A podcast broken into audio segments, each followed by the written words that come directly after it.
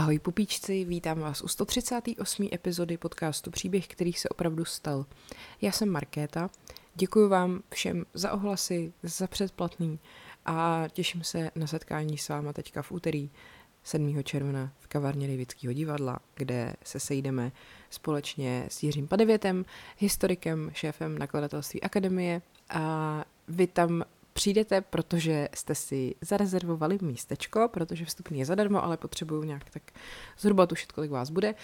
Uh, tohle všechno už jsem vám říkala, opakuju to znova, když tak uh, odkaz na ten rezervační jakože formulář, je to jenom Google Doc, prostě kam si napíšete jméno, uh, najdete buď ve facebookové události, nebo myslím, že na obou Instagramech, na mým i na Instagramu podcastu, nebo potom i v bonusových platformách, kde je o tom speciální post. Tak, kdybyste to chtěli a nemohli jste to nikde najít, tak mi napište zprávu a já vám to pošlu, jo? A těším se na vás.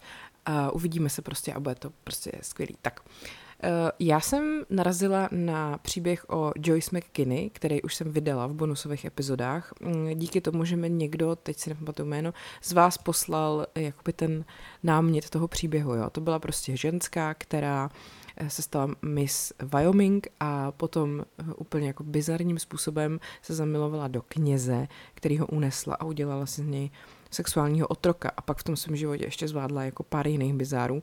Prostě fakt divný život a to teda už vyšlo v bonusech, tady ten příběh, no a inspirovalo mě to k tomu, že bych teda mohla se mrknout na jako různý tragický osudy královen krásy. A nevím, čím to je, ale jako je jich hodně. Prostě bývalý královny krásy málo kdy žijou normální život. Ano, vys Helena Houdová. Já když jsem navrhla na Instagramu, že jí, jako, že jí tam zahrnu taky do tohohle toho cyklu, tak mi přišlo jako strašně moc odpovědí, všichni úplně nadšený. Je mi to jasný. Nicméně teda musím říct, že jako příběh Heleny Houdové už zpracoval one and only Mikýř a nejsem si úplně jistá, jestli tomuhle chci konkurovat. Uh, vy jste si dokonce psali, že Helena si zaslouží vlastní epizodu. Já se nad tím zamyslím a zkusím to nějak pojmout, aby to jako dávalo smysl. Já jsem jí trošku zmiňovala už v nějaký bonusové epizodě o takových těch ezošarlatánech.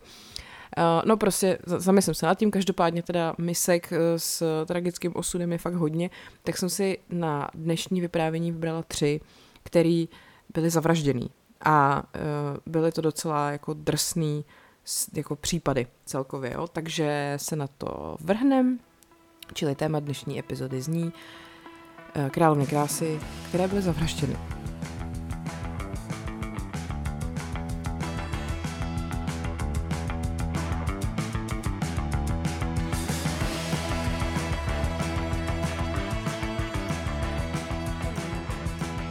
Tak a začneme v Polsku. A ta Polka se jmenovala Aněška Kotlarská a byla to vycházející hvězda světového modelingu. Bylo jí pouhých 24 let a už v té době se mohla pochlubit různou, různou spoluprací se světovými návrhářema, jako bylo to v 90. letech teda, a to byl samozřejmě tehdy, jako bych řekla, takový ne jako větší úspěch, ale víc výrazný, protože eh, nebyl internet, že jo, a prostě když se ta holka uchytila i mimo to, že měla tři prdele sociálních sítí, tak to vlastně bylo jako hustý. Uh, ona samozřejmě byla krásná, a to si bohužel, uh, ne, to si bohužel všimnul i stalker, Eh, který se jmenoval Jerži, prostě klasické polské jméno. Eh, ten, když eh, vlastně se do ní zamiloval, to bylo ve chvíli, kdy uviděl její fotku ve svatebním salonu. A rozhodl se, že Aněšku najde a pak se jí dlouho dvořil. Volal jí, posílal dopisy, čekal na ní různě před školou a ona samozřejmě tak nějak spíš ty jeho návrhy nechávala bejt. Nicméně ta jeho fascinace Aněškou se bohužel velmi rychle změnila v posedlost. A On se potom bohužel jednoho dne objevil u jejich dveří a nedopadlo to dobře. Tak a teď se jakoby vrátíme ještě zpátky na to, co se teda, eh, jak, jak to bylo s Anišky životem. Ona měla jako velkou šanci na fakt jako světovou kariéru, protože ona v roce 1990 eh, vyhrála Miss Wroclaw, pak v roce 1991 se stala Miss Polska a pak jako první Polka získala titul Miss International a právě potom dostávala ty nabídky od uh, různých modních návrhářů, takže pracovala pro Kelvina Kleina, Ralfa Lorena, fotila mezinárodní vydání Cosmopolitanu a Vogue v Mexiku a v Venezuele. Takže jako fakt to není přehnaný, že, když jako řeknu, že to bylo prostě jako, měla našlápnuto na velkou kariéru. A Polsko to tehdy jako velmi zdrtilo, jo, eh, to, co se stalo a bylo to teda tak. Anička se narodila v roce 1972 ve Vratislavi. A už na střední škole bylo vidět, že to není klasická řadová vlaška.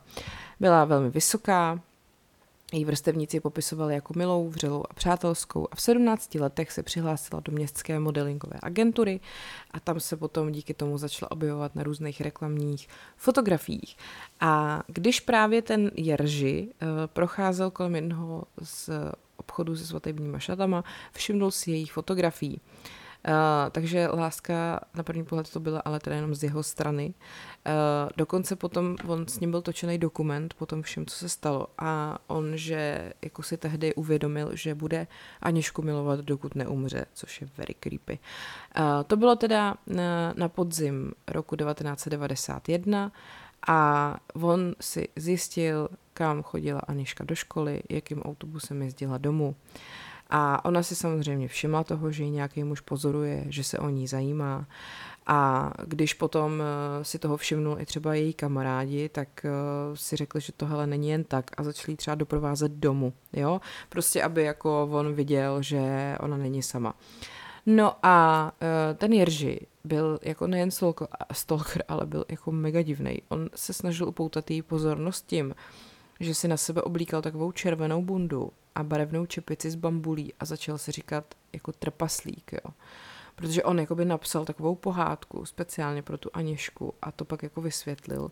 Nemohl jsem jí uh, přece napsat, hele, myslím, že jsi hezká, že máš hezký zadek a tak to jakoby zabalil tady do tohohle toho. Uh, protože jakoby on se nějakým způsobem jako vcitoval do trpaslíka, který jako pomáhá té svojí princezně a uh, prostě i potom, když se konečně jednou jako odhodlal jí oslovit, tak první, co jí řekl, bylo, dovolíte trpaslíkovi, aby dělal princezně společnost? To je prostě creepy jak svině.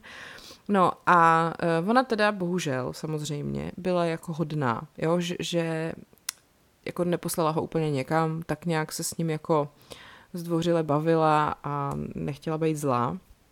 No a bohužel teda, když si potom všimla, že on začíná být uh, jako lehce paranoidní a začíná to být už jako opravdu neúnosný, tak se mu samozřejmě začala vyhejbat a neměla z toho jako dobrý pocity. A on se ale nevzdával a stále se snažil, čím dál tím víc. A když třeba se dal na útěk, tak on běžel za ní, aby zajistil, že mu nezmizí z dohledu. Pak jí začal psát dopisy, jakože vyloženě už s nějakými návrhy. Uh, což jí samozřejmě ještě víc vyděsilo. Nicméně jí jako potom už takovýchhle dopisů chodilo spousta, protože to už bylo potom, co vyhrála tu mis a tak, tak tomu zase tak jako, nebo takhle, třeba přečetla si nějaký creepy dopis, ale tak hele, přišlo mi jich deset, tak se tím nebudu zabývat. A hlavně teda ona už v té době měla uh, svého milého, jmenoval se Jaroslav a byl to vlastně zároveň její budoucí manžel a o něj se potom i o pět let později na Manhattanu v New Yorku provdala. No a když se potom vracela zpátky do Polska z toho New Yorku, tak normálně se jako zázračně vyhnula smrti. Ona nenastoupila do letadla, který explodovalo nad Long Islandem, ačkoliv si na tenhle ten let koupila letenku. To je taková jako vložka jenom. No a když se pak vrátila do rodné Vratislavy, po tom, co byla chvíli v tom New Yorku, kde jako pracovala, tak se nastěhovala s manželem do domu v Mašlicích a tam potom vychovávali i dceru, No a ten Jirži zjistil bohužel, že jeho milovaná je opět na dosah ruky a tak se rozhodl vyhledat její bydlisko. Uh, takže tady uh, vlastně on zase znova vypovídá v tom dokumentu. Když jsem v tisku zahledl malou zmínku o neštěstí, při kterém mohla zemřít, staré vzpomínky ožily a já začal znovu pátrat. Nebyly žádné mobilní telefony. K tomu, abyste někoho našli, jste nepotřebovali Jamesa Bonda, ale telefonní seznam, číslo a adresu. Bingo. No a taky znova začal zvonit telefon, ale ona samozřejmě neměla chuť se s tím Jeržím setkat, ale prostě jí ta situace nepřišla jako, jako nějaká zásadní hrozba, jo. Uh, teprve když potom jednou ten telefon jako s ním neukončila hned, tak si začala dělat starosti, protože on jí tam říkal takové věci jako zničila si mi život a podobně. No, uh, 27. srpna 1996 kolem půl třetí odpoledne se tady ten skvělý Jerži pan Trpaslík, který uh, prostě do té doby pracoval v informačních technologiích v bance ve Vratislavi, objevil u dveří domu Aněšky Kotlarské. Byl jsem v práci, uh, pak jsem zavřel firmu, odešel jsem a šel jsem k Aněščinu domů. Myslím, že mě poznala, ale ani neotevřela. Připadal jsem se jako ryba v akváriu. Podívám se, ale nedotknu se tě. Uh, ona teda zrovna v doprovodu manžela a jejich tehdy dvou a půl letý dcery nastupovala do auta, když uh, on před tím barákem byl. On k ní přistoupil a řekl že by s ní rád prohodil pár slov. A když teda ten manžel té Aněšky viděl, že tady ten pan Jerži jakoby nechce nějak ustoupit, tak uh, začal volat policii. No, stojíte tam a oni vás ignorují. Já se jí snažím něco říct a ona mě ignoruje. Chtěl jsem si jen promluvit a oni začali volat policii. Říká k tomu Jerži. No a to se mu jako samozřejmě nelíbilo a byl rozrušený, tak vytáhl nůž a bodl Aněština manžela do stehna. Uh, vždycky u sebe nosím nůž nebo jako takovej ten, tu rybičku, tak jsem ho vytáhl. Ten člověk upadl. Přijel jsem po něm nožem a trochu ho poškrábal na stehně. Pak se, pak mě někdo zatahal za ruku. Uh, zděšená Aněška totiž chtěla toho manžela bránit a rozběhla se k němu a vlastně v tu chvíli došlo k té tragédii, protože Jeržiho nenapadlo nic lepšího, než jí čtyřikrát bodnout. Otočil jsem se a bodlý, byl jsem omámený, nevěděl jsem, co se děje. Aněška teda ležela na zemi a Jiří se nad ní naklonil a zašeptal Aněško, neumírej. No, a pak teda se zvednul a šel pryč a cestou potkal nějakou ženskou, který řekl, že právě spáchal vraždu a pak počkal na příjezd policie a ta Aněška mezi tím umírala na chodníku. A tuhle tu situaci potom popsal její soused, lékař. Soused bušil na dveře a prosil mě, abych mu pomohl Aněšku zachránit a tak jsme ji společně odnesli do domu. 10 až 12 minut na to přijela sanitka. Zkontroloval jsem, že ještě má puls, pak jsem odjel do nemocnice. Velmi mě překvapila eh, jako ta hloubka těch zranění, který měla vlastně způsobený v oblasti srdce. Eh, vypadalo to skoro, že je způsobila osoba, která je jako vycvičená v nějakém obraném boji. Jo, jakože Jerži ty vole bodal a přesně věděl kam. Sám pachatel ale potom v rozhovoru pro nějaký časopis eh, řekl, že to byla nešťastná náhoda. Jasně, to neomylem prostě čtyřikrát bodnul, ty vole. No a uh, ještě k tomu pak řekl, stalo se neštěstí, s manželem došlo k hádce, vytáhl jsem nůž a Něžka se na mě vrhla a stalo se, že jsem jí tím nožem bodl. A jasně. Potom u soudu, jako měl totální poker face, uh, u něj prej jako člověk těžko hledal nějaký emoce a že vlastně emoce ukázal jenom ve chvíli, kdy jakoby vzpomínal znovu na to, jaký pobodal. Když jsem zasadil první ránu, Aněška si ji zakryla rukou. Měla tak krásné, štíhlé prsty. Bl. No a to jeho chování se ale teda dramaticky změnilo, když potom odvolací soud vynesl rozsudek 15 let vězení. Samozřejmě, že byl naštvaný, že jo. Hrozný je, že si ten trest odpikal a v roce 2012 byl propuštěný. Pak dokonce přiznal teda, že cítí vinu. Aněška pro mě byla blízký člověk a ten tu není. Je to bezmoc. Nevím, co mám dělat. Cítím se provinile. Tohle neudělali trpaslíci, to jsem udělal já. No shit. No a to vlastně není konec, protože tady pana Jeržiho pak o dva roky později znova zatkli. Eh, byl poslaný do vězení poté, co 5. srpna 2014 eh, vlastně byl jako zatčený teda za těžký ublížení na zdraví nějakému Rumunovi. Mluvčí krajský prokuratorovi Vartislavy Malgoržata Klauzová tehdy řekla, když Jerži L. uslyšel v domě hluk, zamkl dveře a popadl nůž z čepelí dlouhu 28 cm. Když spatřil lupiče, jako nepustil ho vůbec ke slovu, nedbal na jeho malou postavu, vrhl se na něj a zasadil mu ránu do hrudi. Napadený muž má pneumotorax, kolaps plic a mrtvici. Podařilo se mu utéct a sehnat pomoc. Jerži L. běžel za ním. No takže ho potom vzali do vazby a strávil tři měsíce za mřížema. A pak mu vlastně hrozil trest odnětí svobody v rozmezí od jednoho do deseti let, ale k tomu případu už potom nejsou, nebo jsem jako nenašla žádný další informace. Jo. E, jako takhle, když se vám někdo vloupe do baráku, tak e, si myslím, že máte jakoby právo se bránit, ale eh, asi není třeba jako do toho člověka bodat nožem. Hele, těžko říct, jako tak to je taková situace, já nevím, co bych udělala, kdybych se jako fakt bála. Na druhou stranu, když prostě jste byli ve vězení za to, že jste někoho pobodali, tak asi, pobodali, tak asi není úplně dobrý nápad to dělat znova. No, eh, Potom ještě tady mám uh, eh, takový citát od uh, vlastně Jaroslava vdovce po té Aněšce. Uh, jako ten muž eh, byla taková časovaná bomba, jo, měl být izolovaný už na začátku. Miluje nože, jsou to očividně jeho jediní přátelé. Svým spoluvězňům se prý svěřil, že jeho snem je dokončit práci, takže zabít mě a naši dceru. Takže vlastně tím, že ten Jerzy je asi zřejmě furt na svobodě, tak ty příbuzný ty Aněšky se furt jakoby bojí o svou budoucnost. A ten manžel dokonce řekl, že si jako léta fakt chránil soukromí a vlastně i to soukromí té dcery a nikdy jako neukazoval veřejně.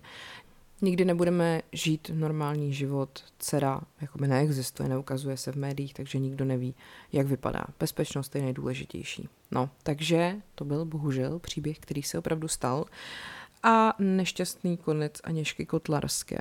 Tak a jdeme na druhý příběh, který se opravdu stal a to bude vražda bývalý královny krásy Leslie Bazarové a její spolubydlící Adrian Insoňové, eh, který se stali v kalifornský napě. Nevím, jestli znáte kalifornské Napa voly, teda ne, že bych tam někdy byla, ale je to takový hodně proslulný místo tím, že se tam pěstuje víno a je to tam moc hezký, jakože tam fakt jezdí davy turistů, eh, který tam odpočívají v různých letoviscích a tak, jo, jenom jakože to je fakt jako prýma, no. Kelly McCorkle a její kamarádka Leslie Mazaro. A teď mi prostě řekněte, jo, mám říkat to ová nebo ne. Mně se to jako nelíbí to říkat. Na druhou stranu mám pocit, že když to občas neřeknu, tak to zní, že to je chlap a není to ženská. Těžký. No, tyhle dvě holky vyrostly jako daleko, daleko od Napavaly ale ta Kelly říkala, že tu Leslie to do tohohle toho kraje vždycky táhlo. Leslie vychovávala její svobodná matka Ketty a její dva starší nevlastní bratři na farmě ve venkovském městečku Anderson v Jižní Karolíně. Byla rozmazlená, byla to princezna, věděli jsme to, zbožňovali jsme ji, říká její matka. Když byla malá, říkala, že chce být učitelkou a zdravotní sestrou a taky Miss Amerika, než jí bude 21 let. Ale ty soutěže krásy právě vyhrávala ta její kamarádka Kelly. Leslie chodila ke mně domů a nasazovala si moje korunky na hlavu, vzpomíná Kelly. Nakonec se zeptala, mohla bych si tu jednu z tvých korunek vzít? A já řekla, ne, běž si pro svoji vlastní. A ona řekla, opravdu si myslí, že bych jí mohla vyhrát? Tak jsem jí přemluvila, aby to udělala, pomohla jsem jí vyplnit přihlášku. A Leslie potom získala titul Miss Williamston a pak se účastnila soutěže Miss Jižní Karolíny a to vlastně jakoby její uh, taková jako dobročinnost, která se s tím pojela, bylo, že se snažila získávat peníze pro týrané děti. Leslie i Kelly se potom zúčastnili soutěže Miss Jižní Karolíny, přičemž teda Kelly to vyhrála a pak se stala i finalistkou reality show stanice CBSD Amazing Grace. Takže ta její budoucnost se zdála taková pevně daná a ta Leslie naopak po, vysko, po dokončení vysoké školy se tak nějak furt jako hledala. Eh, že měla třeba vášeň pro umění, ale nebyla si prostě jistá, co by chtěla dělat. Nebo taky, že se chtěla stát právničkou, učitelkou, reportérkou a tak. No a když se potom Leslína matka přestěhovala do Kalifornie, Uh, tak vlastně tý Leslie zavolala, uh, že by možná mohla strávit jako léto v té napě a prostě si odpočinout.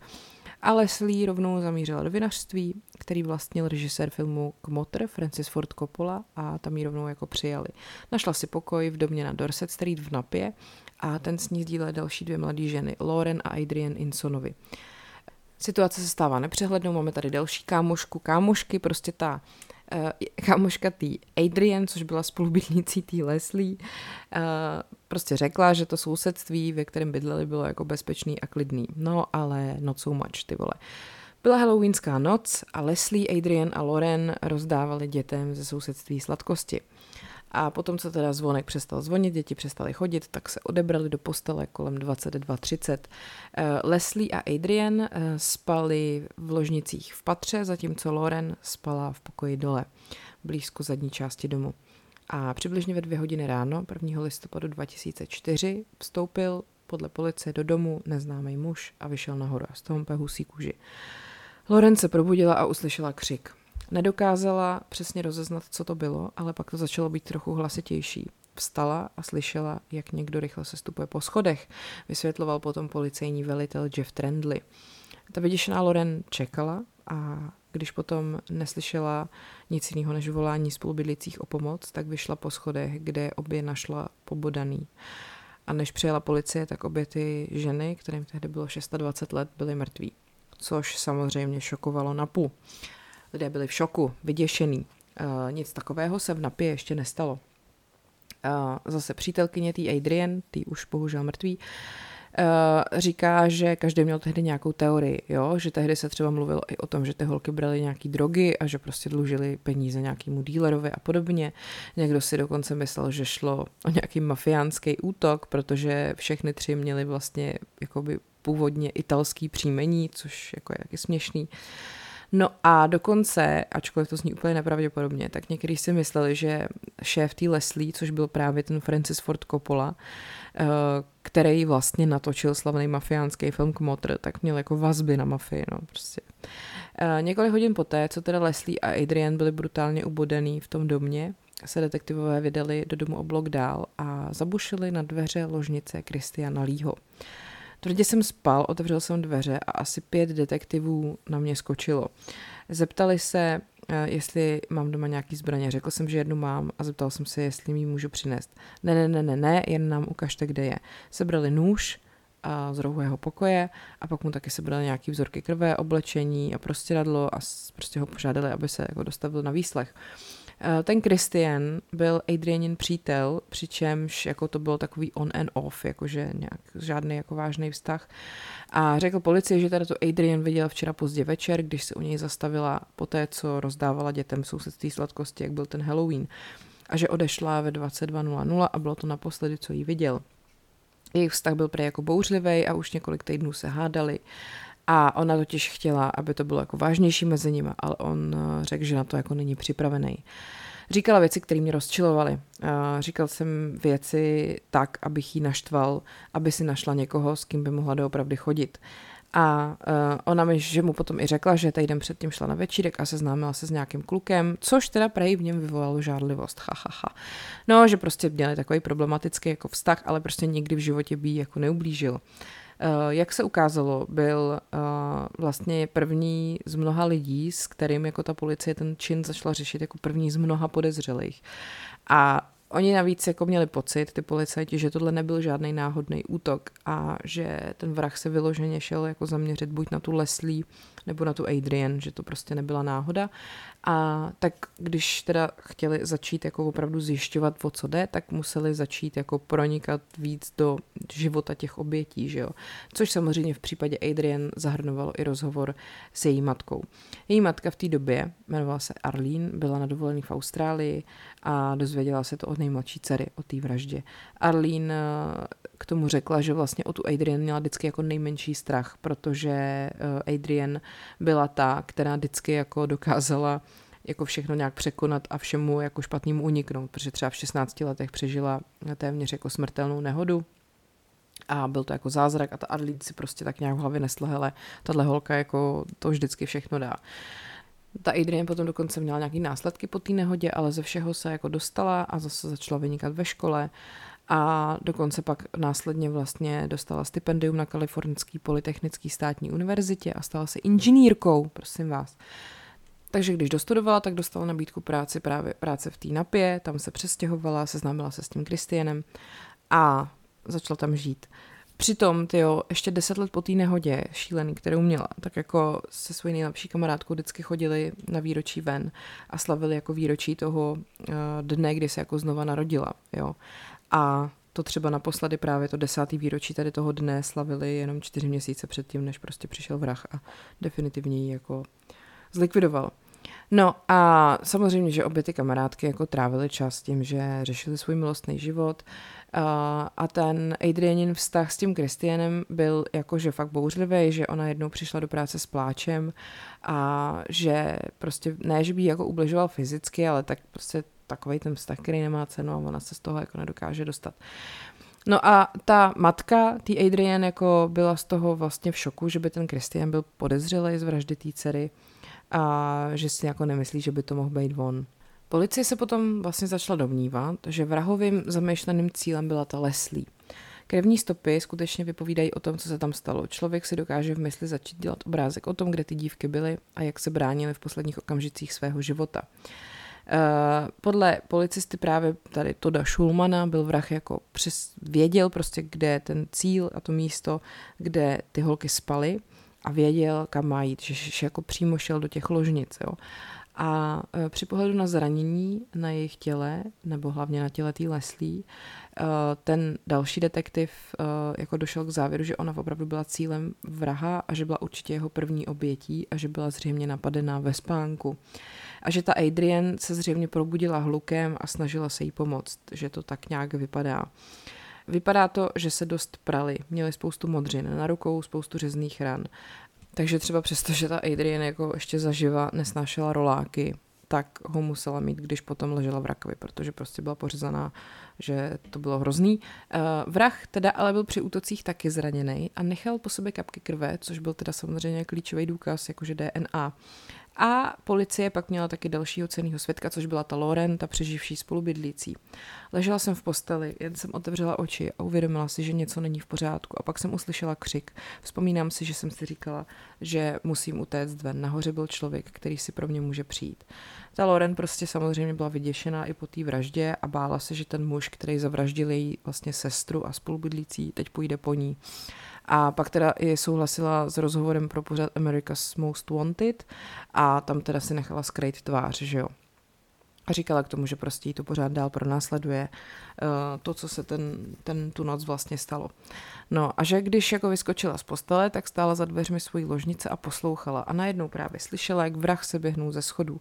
Byla jsem vyděšená, můj instinkt mi říkal, abych šla zadem ven z baráku. Eh, vzpomínám si, jak jsem si říkala, eh, jenomže když otevřu dveře, tak mě ten chlap bude sledovat ven. Schovala se na dvoře, toho vraha neviděla, ani neslyšela jeho hlas, ale slyšela, jak odchází prostě jako kuchyňským oknem pryč a pak už si jenom pamatovala to volání o pomoc a začala panikařit, eh, vlastně měla mobilní telefon, nasedla do auta a odjela a pak zavolala policii.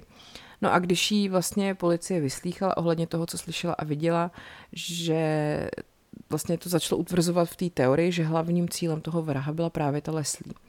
No a teď proč jako ta Leslie, že jo? Ona žila v Kalifornii pouhých sedm měsíců, ale už tehdy byla jako velmi populární. Jo? Uh, ona totiž během toho pobytu, co tam byla, chodila s několika chlapama, ona byla fakt jako hezká a stýkala se prej se dvěma muži, se starším mužem a s nějakým pak mladším, se kterým to prej myslela vážně. A ten starší muž uh, žárlil na toho mladšího a prej měl velmi temný, zlý pohled jako když si uvědomil, že teda tady ta Leslie má dalšího nápadníka.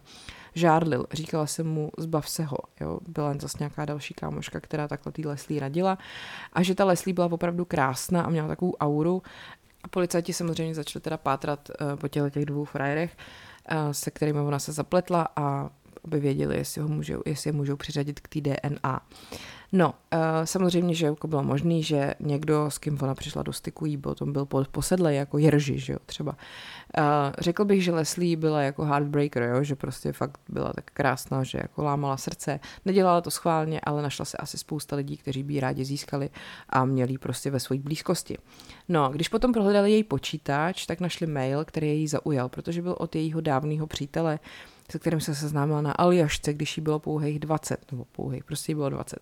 No a jakoby mezi lidmi se začalo šířit takový to, že ta Leslie měla prostě spoustu chlapů a Bůh ví, co jim provedla a tak. A to samozřejmě se nelíbilo její matce Kety, která bránila jako její pověst a říkala jako, hele, když prostě Leslie s někým chodila, tak se s ním rozešla, ale pak s ním třeba zůstala kamarádka. Nikdy tam nezůstaly nějaký jako uh, nějaká takový jako hněv nebo takhle, že by jako za sebou nechávala nějaký řetězec nepřátel, který by se jí chtěli jako pomstít. No. Veškerý pátrání šlo úplně dostracena. Oni prostě prohledávali fakt jako tisíce vzorků DNA, který by se mohly shodnout a nikdy to nevyšlo. Jo? A prostě to vypadalo, že se ta vražda nikdy nevyšetří. Mezitím teda v Napě vlastně ta nejlepší kamarádka tý Adrian, zavražděný taky, Lily, a její přítel Erik Koppel uh, se vzali, protože oni tu svatbu odkládali a kvůli tomu, co se stalo, že jo, ale nakonec si řekli, že teda už to odkládat nebudou, prostě only live once, uh, jsme spolu, spolu už skoro 8 let, bylo na čase do toho praštit a vzít se. A té svatby se dokonce účastnila i matka té zavražděný Adrian a pak uh, to celé bylo takový jako radostný a vlastně všichni se snažili jako překonat tu zkušenost, že ta Adrian a ta Leslie už prostě nejsou naživu a že musí jako nějak žít dál. No a vypadalo to, že už prostě se nikdy jako nevyšetří, kdo to způsobil. Načež potom uh, se stala taková věc, oni v září 2005, téměř rok po těch vraždách, se rozhodli zveřejnit jeden důkaz. Oni totiž před domem našli několik nedopalků cigaret, které byly vykouřený až úplně na filtr a DNA na těch nedopalcích se shodovala s DNA krve vraha na místě činu. Takže policie si domnívá, že vrah potom stál venku a kouřil jednu cigaretu za druhou. A kouřil takovou neobvyklou značku. Jo. Ta, ty charakteristické znaky na krabičce se shodovaly uh, se značkou Turkish Gold, což je taková varianta kamelek a to bylo na trhu jako chvíli. Máme pocit, že tahle značka cigaret je něco, co někoho, jako nějak, někoho jakoby zvenku, z veřejnosti, přiměje k tomu, aby zavolal a pomohl nám objasnit totožnost vraha. No a o pouhých pět dní později teda volali Adrianině matce, že zatkli podezřelýho. Byla jsem velmi ohromená, nevěděla jsem, co mám říct. Eh, moje další slova byla, kdo to byl a na odpověď na tuto otázku jsem vůbec nebyla připravená. Policie totiž zatkla toho Erika Kopla, což byl manžel Adrianiny nejlepší kamarádky Lily. To byly ty dva, co se vzali, co předtím tu svatbu odkládali, protože Adrian a Leslie byli mrtví, že jo. Když jsem se to dozvěděla, kdo to byl, byla jsem v šoku a přemohl mě strašný zármutek. A, a teď, jak ta policie ho vlastně identifikovala, jo. Neměli to tak těžký, on si jim přišel přiznat, protože když vlastně po těch deseti měsících oni odvysílali to, že mají ty cigarety a že je to jako zvláštní značka, tak on jako věděl, že by ty jeho přátelé to dřív nebo později jako nahlásili sami, takže se přišel udat. Všichni okolo samozřejmě byli v šoku, jako říkali, že na ně nikdy nepůsobil jako nebezpečný člověk, že je to takový ten obsedantně kompulzivní typ, takový ten, co potřebuje mít všechno srovnaný do pravých úhlů, ale prostě ne jako vrah, nebo tak já nevím, jak na člověku poznáte, že je vrah. Asi možná, když se převlíká za trpaslíka jako Jerži. A samozřejmě jeho žena, ta Lily, byla jako v totálním šoku a on se prostě přiznal, ale ten jeho motiv jakoby se neví, jakože nikdy ho nikdo z něj nějak nedostal, on nebyl schopný ho říct, ta policie ho nikdy nezveřejnila, takže těžko říct, takže prostě manžel kámošky těch dvou holek je prostě jednoho večera přišel ubodat a nikdo jako neví úplně přesně proč. No, uh, takže takhle. Takže to byl příběh, který se opravdu stal. A jdeme na ten třetí a přesuneme se do Ruska do devadesátek ještě k tomu, jo. Což prostě v Rusku v devadesátkách to bylo takový období, kdy uh, se ta společnost po tom rozpadu toho Sovětského svazu uh, začala měnit na takový divoký kapitalismus. Já jsem o tom mluvila v nějaký epizodě, asi když jsem řešila Putina, Ukrajinu a tak, že vlastně ty devadesátky v Rusku byly jako specifický tím, že uh, prezident Boris Jelcin tak nějak jako zavíral oči úplně před vším, takže se tam jako všechno privatizovalo takovým stylem, že to získalo prostě pár lidí, ze kterých jsou teďka ty největší oligarchové. Jo. A sa, samozřejmě, že tam jako ten zločinej, takový to podsvětí hodně nabobtnalo. A být tehdy zločineckým bosem bylo pro spoustu jako mladých lidí považovaný za takový prestižní. Jo. A takže tady to je příběh o tom, jak eh, zločinecký bos Konstantin Čuvilin a jeho slavná spolubydlící Alexandra Petrovová, což byla právě mis, eh, skončili špatně, protože byli zabitý v roce 2000. Jo? Tak nejdřív si řekneme něco o Konstantinu Čuvilinovi. Konstantin se narodil v roce 1967 eh, ve městě Čeboksary v Ruské federaci. Eh, ten jeho životopis je poměrně kontroverzní, ale to asi nikoho nepřekvapí. On byl prostě takovou kriminální postavou, podnikal jako v oblasti obchodu, Několikrát byl předvedený na policii, ale nikdo ho nikdy za nic neodsoudil ani nevěznil a kromě toho vlastnil i nějaký městský čerpací stanice, byl členem Čapájova gengu, což byl nejsilnější gang ve městě. No, uh, takhle. Uh, on totiž právě tím, jak se rozpadl Sovětský svaz v prosinci 91, tak se začaly tyhle ty zločinecké skupiny uh, vlastně organizovat, formovat a zabývali se hlavně vydíráním a různýma závažnýma trestnýma činama. A on byl právě jedním z nich. Vlastně ty zločinci v těch 90. letech takhle řídili veškerý ten svůj biznis a zároveň byli právě propojení s těma jako mocenskými a policejníma strukturama. Takže tyhle ty organizované formace vlastně vznikaly sice spontánně a chaoticky, ale zároveň, jak to bylo propojené s tou politikou, tak jako to nebylo tak zase spontánní a chaotický.